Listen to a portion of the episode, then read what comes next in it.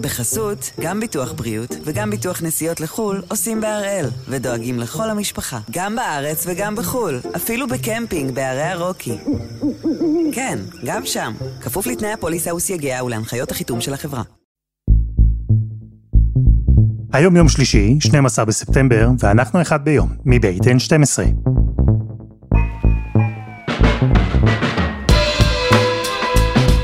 אני אלעד שמחה יופי, אנחנו כאן כדי להבין טוב יותר מה קורה סביבנו, סיפור אחד ביום, בכל יום.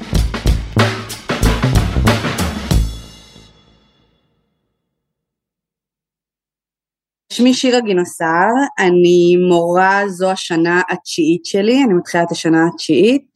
כל השנים לימדתי באותו בית ספר תיכון, תיכון אילון בחולון, ואני מורה למחשבת ישראל, ומורה גם להיסטוריה, מחנכת כיתה, וזהו נראה לי. כששר המשפטים הציג את התוכנית שלו לחקיקה משפטית, שירה בדיוק סיימה את חופשת הלידה שלה. היא חיכתה כבר לחזור לכיתה ולחזור לתלמידים, והיה לה ברור שמה שנאמר במסיבת העיתונאים של לוין, והמחאה שפרצה בעקבותיה, הכל חייב להיות חלק מהשיעורים שהיא מעבירה בבית הספר. לא הייתה לי דילמה אם צריך להתעסק, יש לי דילמה מתמשכת מאז איך להתעסק. אה, אני כל הזמן משנה את דעתי. אני יכולה להגיד שבאופן אישי, אני בדיוק חזרתי מחופשת לידה, אה, אז זה היה בשבילי ממש, אה, אני רק שמחתי לחזור ללמד ולחזור להיכנס לכיתה, ופתאום ישר להיכנס לתוך אש, וגם אני זוכרת שהדיונים עם התלמידים היו אז מאוד סוערים. שלום, לי קוראים ירון אסולין, אני מורה לאזרחות כבר 13 שנה, מלמד אזרחות, היסטוריה, תקשורת, מתמטיקה גם לפעמים. אה, מלמד בישיבת כפר הרועה, כבר כחמש שנים, ישיבת כפר הרועה זה ישיבת הדגל של הציונות הדתית, היא נמצאת ליד חדרה. גם לירון לא באמת הייתה דילמה בשאלה אם לעסוק בכלל בשינויים המוצעים במערכת המשפט, כי במקרה שלו הוא לימד את הנושא בכיתות הרבה לפני שהשר לוין בכלל הציג את המתווה שלו לציבור. זה נושא שאנחנו, או אני ספציפית, מלמד אותו כבר כמה שנים, בעיקר מהכיוון של אה, תמיכה בשינוי מערכת המשפט. יש נושא שלם באזרחות שלמד על מערכת המשפט, אז שם אני מציג לתלמידים את שתי הגישות שתומכות או מתנגדות לשינוי מערכת המשפט, בעיקר תחת הכותרת של ביקורת שיפוטית והאקטיביזם השיפוטי של אהרן ברק. אחרי הנאום של יאיר לוין וכל המחאה שפרצה, זה פשוט פרץ בווליום הרבה הרבה יותר גבוה. אני נועה פוקסמן, מנהלת חטיבת הביניים הדתית לבנות אבלינה דה רוטשילד בירושלים ומורה לאזרחות. גם לנועה לא הייתה התלבטות. במקרה שלה, הנושא עלה מהר מאוד מצד התלמידות, אלו שפגשו את החקיקה המשפטית וההשלכות שלה ממש בדרך לבית הספר, על האוטובוס. הקו אוטובוס שמזין את בית הספר, אחד המרכזיים הוא קו 19 שעובר ברחוב עזה, שבערך חצי משנה שעברה היה סגור לפרקים. ההפגנות הגדולות סביב הכנסת, סביב בית המשפט העליון, אז הן מאוד משפיעות על ציר, צירי התחבורה המרכזיים של התלמידות ושלנו. אז אחד הדברים המרכזיים היה השאלה, האם, איך מגיעים היום לבית ספר, איך יוצאים היום מבית ספר, באיזה שעה, אם צריך לשחרר מוקדם. היה שם הרבה מאוד עיסוק סביב פשוט, ה, לא יודעת, היומיום הפשוט, ואי אפשר היה להתעלם ולו רק מהבחינה הזאת. ואז יש תלמידות שמאוד צמאות לידע, להבין מה זה הדבר הזה שכל כך אה, מדברים עליו, אה, וזה מגיע בדיוק בשלב שאנחנו מלמדות על מערכת המשפט. אז צריך קודם כל לתת את הידע, יש שם איזושהי שאלה, מה, כדי שאפשר יהיה לדבר על מה הרפורמה, אז צריך רגע, מה הידע הבסיסי המשותף שיש לנו, שעליו אפשר לדבר על מה כבר קיים כרגע. אה, וכבר שם יש, זה, זה טעון, שלושתם, וכמובן שאיתם מורים רבים אחרים, ידעו שהמהפכה המשפטית חייבת להיות נוכחת בכיתות, בשיח מול התלמידים. זה דבר אחד שמשותף להם. ויש עוד, כי שלושתם, והרבה מורים אחרים, לא בדיוק ידעו איך לעשות את זה. לא קיבלו הכוונה, ניסו לגבש את האופן שבו הם יחנכו את הדור הצעיר בנושא הכל כך טעון הזה, תוך כדי תנועה. זה לא תמיד היה קל. אז קצת אחרי ששנת הלימודים נפתחה, ובזמן ששופטי בג"ץ דנים עכשיו על החוק לביטול עילת הסבירות, אנחנו מנצלים את הזמן כדי לדבר על דילמת המורים. איך מלמדים נערים ונערות את מה שקורה במערכת המשפט, בכנסת, בישראל בכלל? איך מלמדים בבתי הספר את המהפכה המשפטית?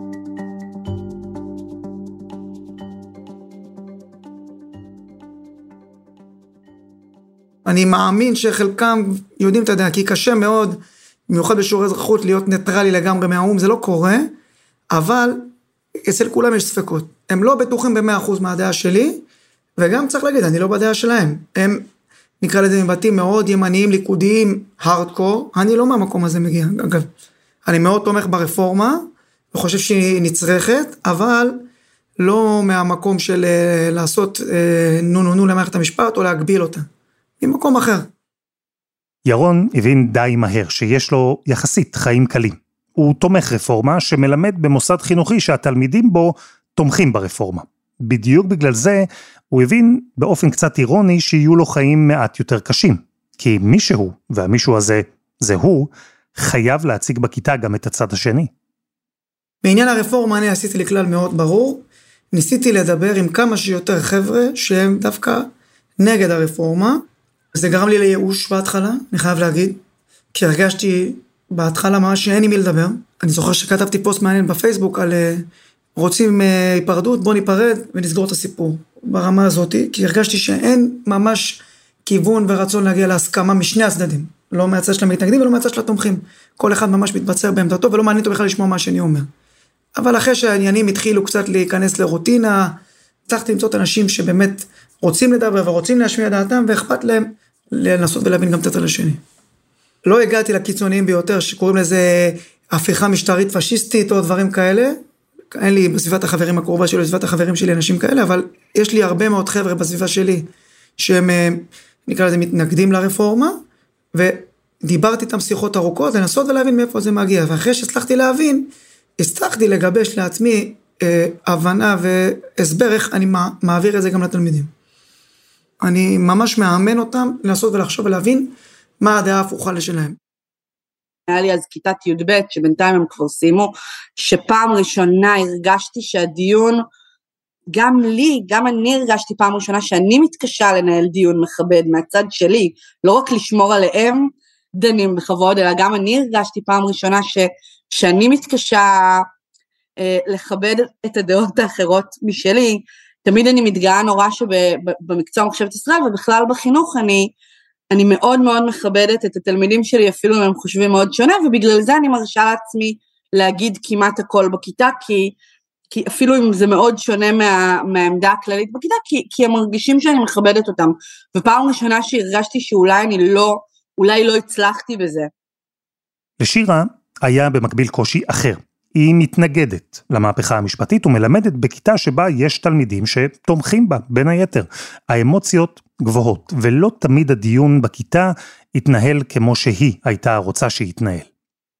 תלמידים בכיתה י"ב צצו כמה שאלות תמימות לחלוטין, ואז אחד מהתלמידים, שהוא כן היה בקיא, תלמיד מאוד אה, חכם, מאוד סקרן, מאוד מתעניין, ועם עמדות מאוד ברורות, שהן לא העמדות שלי, התחיל אה, אה, לטעון נגדי, שזה דבר בסדר, ו, ובעיקר ציטט דברים מתוך הרפורמה, כי באמת, תלמיד מהסוג הבאמת סקרן וחכם ו, וידען ו, ו, ו, והלך וחקר, ואני מצאתי את עצמי עונה לו כמו שהייתי עונה בוויכוח פוליטי עם חבר בן גילי, או בחדר המורים, ואני אמרתי, אמירה שאני עדיין עומדת מאחוריה, אבל שאני מבינה שאולי היא לא שירתה את המטרות שלי, אה, שאני מעדיפה מלחמת אחים מאשר משטר דיקטטורי, או רמיסת זכויות אדם. ואני מבינה שזאת אמירה ש, שאולי רטורית יש לה הרבה פתוס, אבל, אה, אבל יכול להיות שבשלב הזה איבדתי כמה מקשיבים בכיתה שאולי לא בהכרח היו מאוד בקיאים בחומר שעליו מתווכחים, ועכשיו הם גם בחרו צד והוא לאו דווקא הצד שקיוויתי שהם יבחרו בעקבות האמירה שלי. ואיך הם הגיבו? איך זה השפיע על השיעור אחר כך?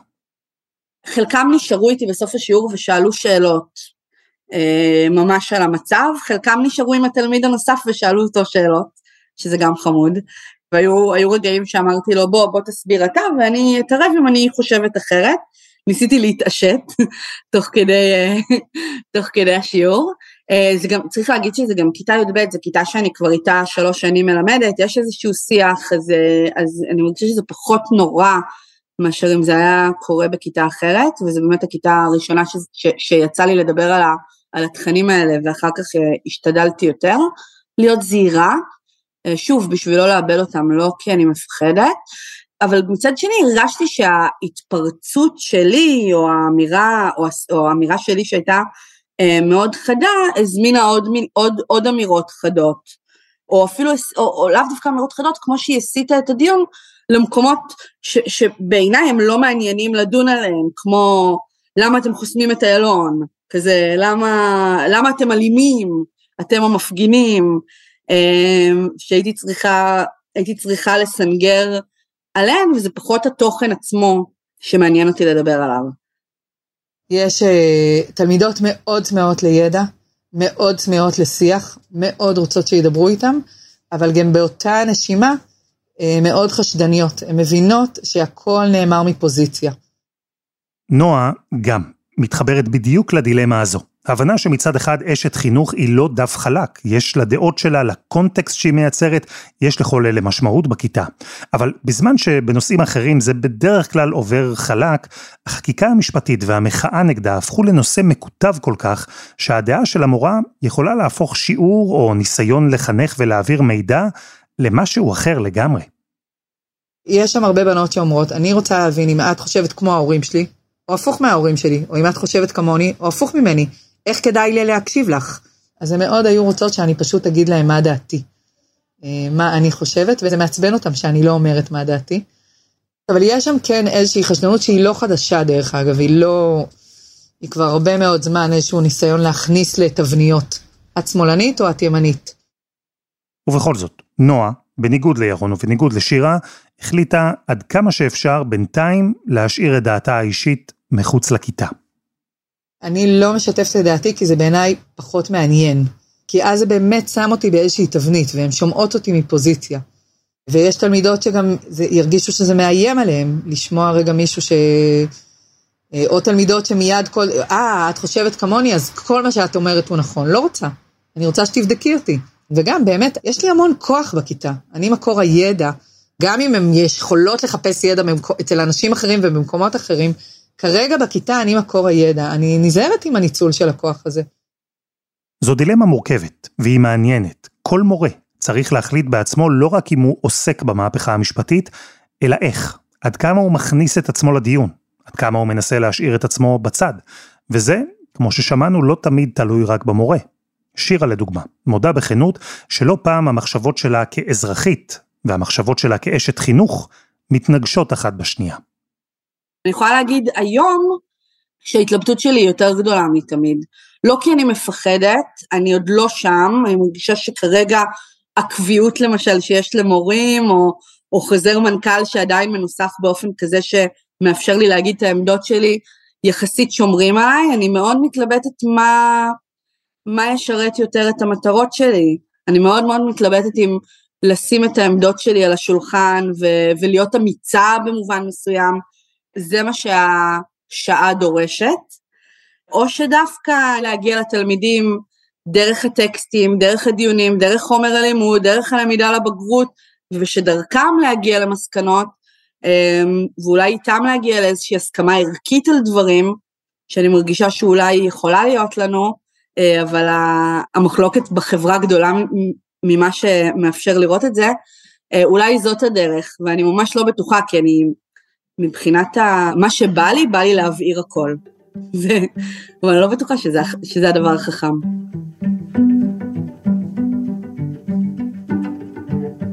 חסות אחת וממש מיד חוזרים.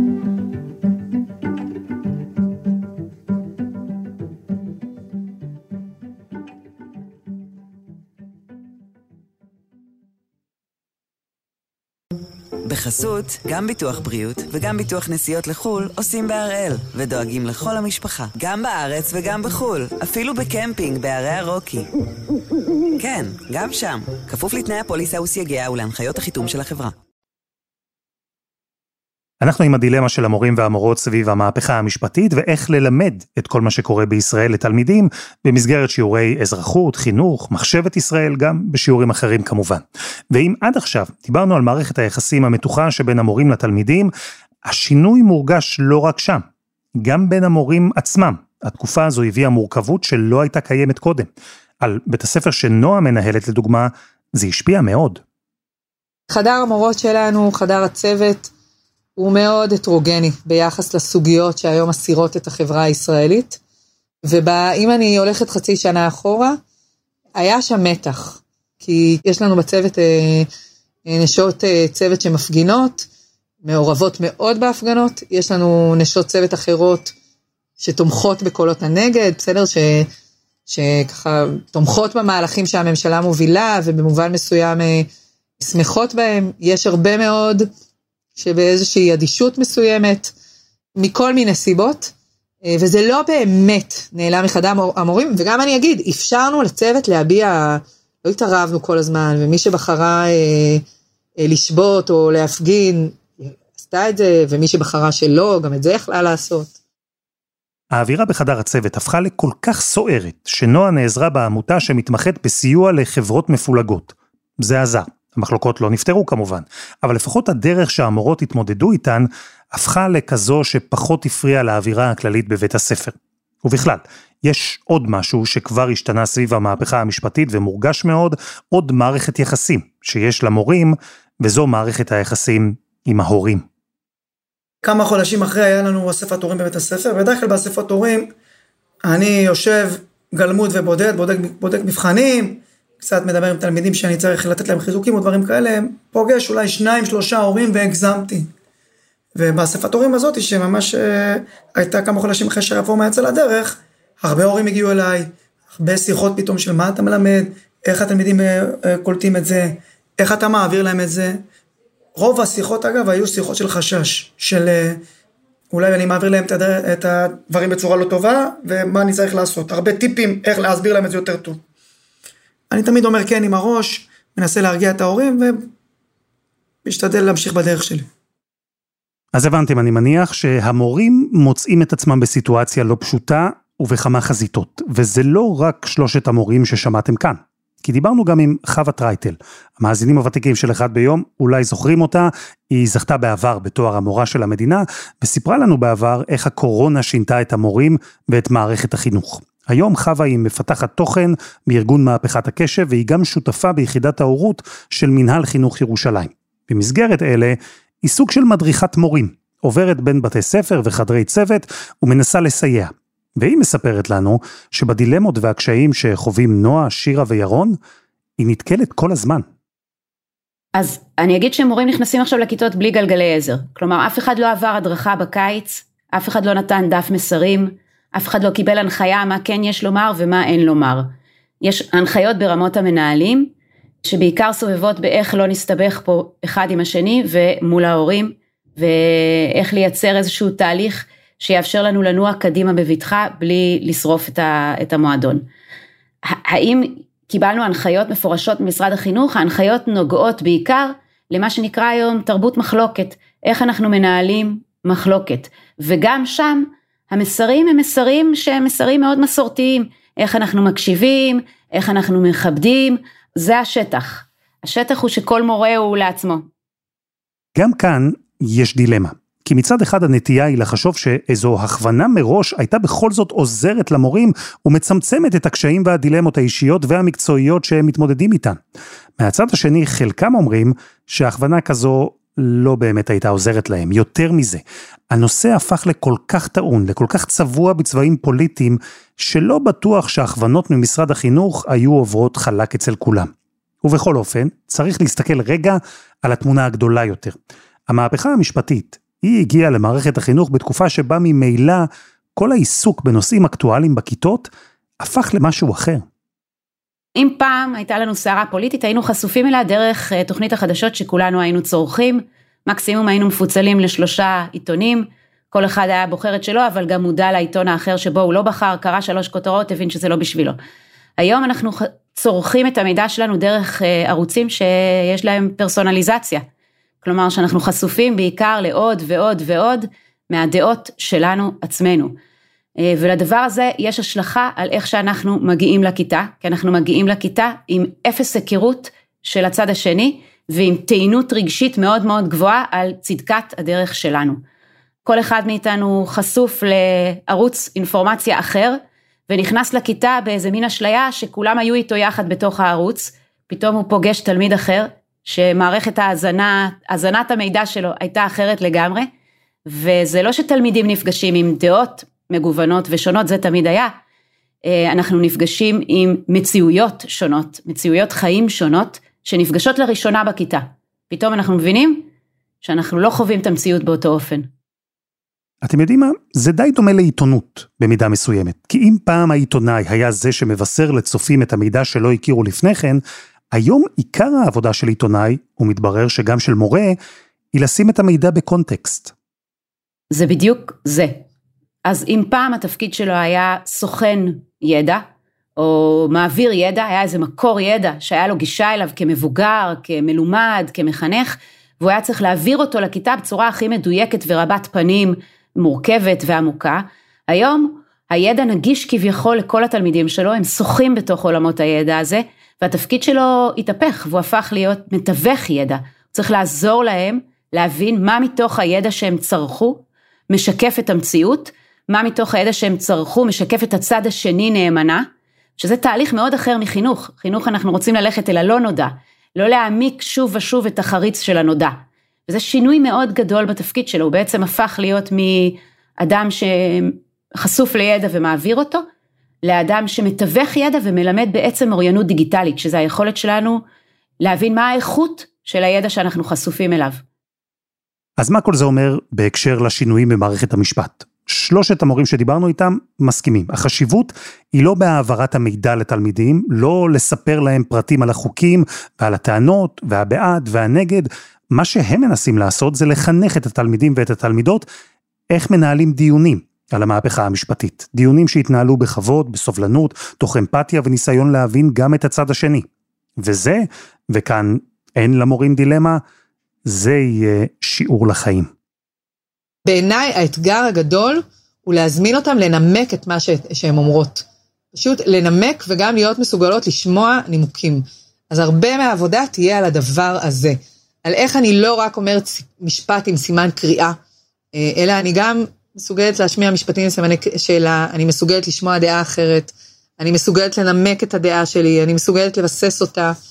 אני מרגישה שזאת העבודה המרכזית, ואני, חושב, ואני חושבת שאם זה היה קורה יותר בחוץ, אז היינו פחות בתחושה ש, שיש פה משהו שמאיים לפרק אותנו. אני תמיד אומר, בשיעור ראשון, אזרחות הראשון שאני נכנס, מטרה שלי בשיעורי אזרחות זה להסביר להם מה זה אומר להיות אזרח במדינת ישראל. הם שואלים אותי ישר, בסדר, אוקיי, מה זה בתכלס? אז אני עונה להם. זה אומר להבין מה מותר ומה אסור לעשות כאזרח, ואיך אני בתור האדם הפשוט יכול לתרום ולהפוך את המדינה שלנו למדינה יותר משגשגת ומצליחה. אז ברפורמה, בסוף כשהם יוצאים החוצה מבית הספר וגם בבית הספר עצמו, הם נפגשים עם זה, אז אה, הם חייבים לדעת ולהכיר. אז אני אמרתי להם, משתדל לתת להם סדר לדרך וטיעונים שיוכלו לנהל שיח מכבד עם כל בן אדם, גם עם מי שמאוד תומך ברפורמה וגם עם מי שמתנגד לרפורמה. חשוב לנהל שיח, זה נראה לי הדבר החשוב. אני חושבת שאני יותר אופטימית מרוב החברים שלי, כי אני רואה מול העיניים שלי תזוזות. אני רואה אה, תלמידים ומורים וצוות במקום שהוא לאו דווקא דומה לאיפה שאני גרה בו, שהעמדות משתנות וזזות לכל מיני כיוונים, אז במובן הזה אני אופטימית, ואני גם עוסקת עם נוער, אז אני, זה, זה קל יותר להיות אופטימיים.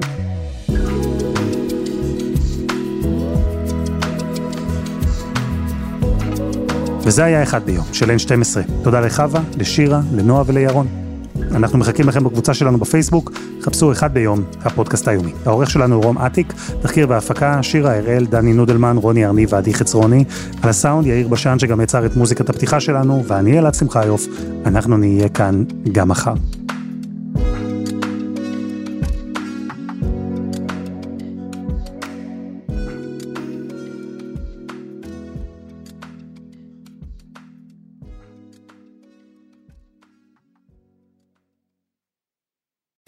בחסות, גם ביטוח בריאות וגם ביטוח נסיעות לחו"ל עושים בהראל, ודואגים לכל המשפחה, גם בארץ וגם בחו"ל, אפילו בקמפינג בערי הרוקי. כן, גם שם, כפוף לתנאי הפוליסה וסייגיה ולהנחיות החיתום של החברה.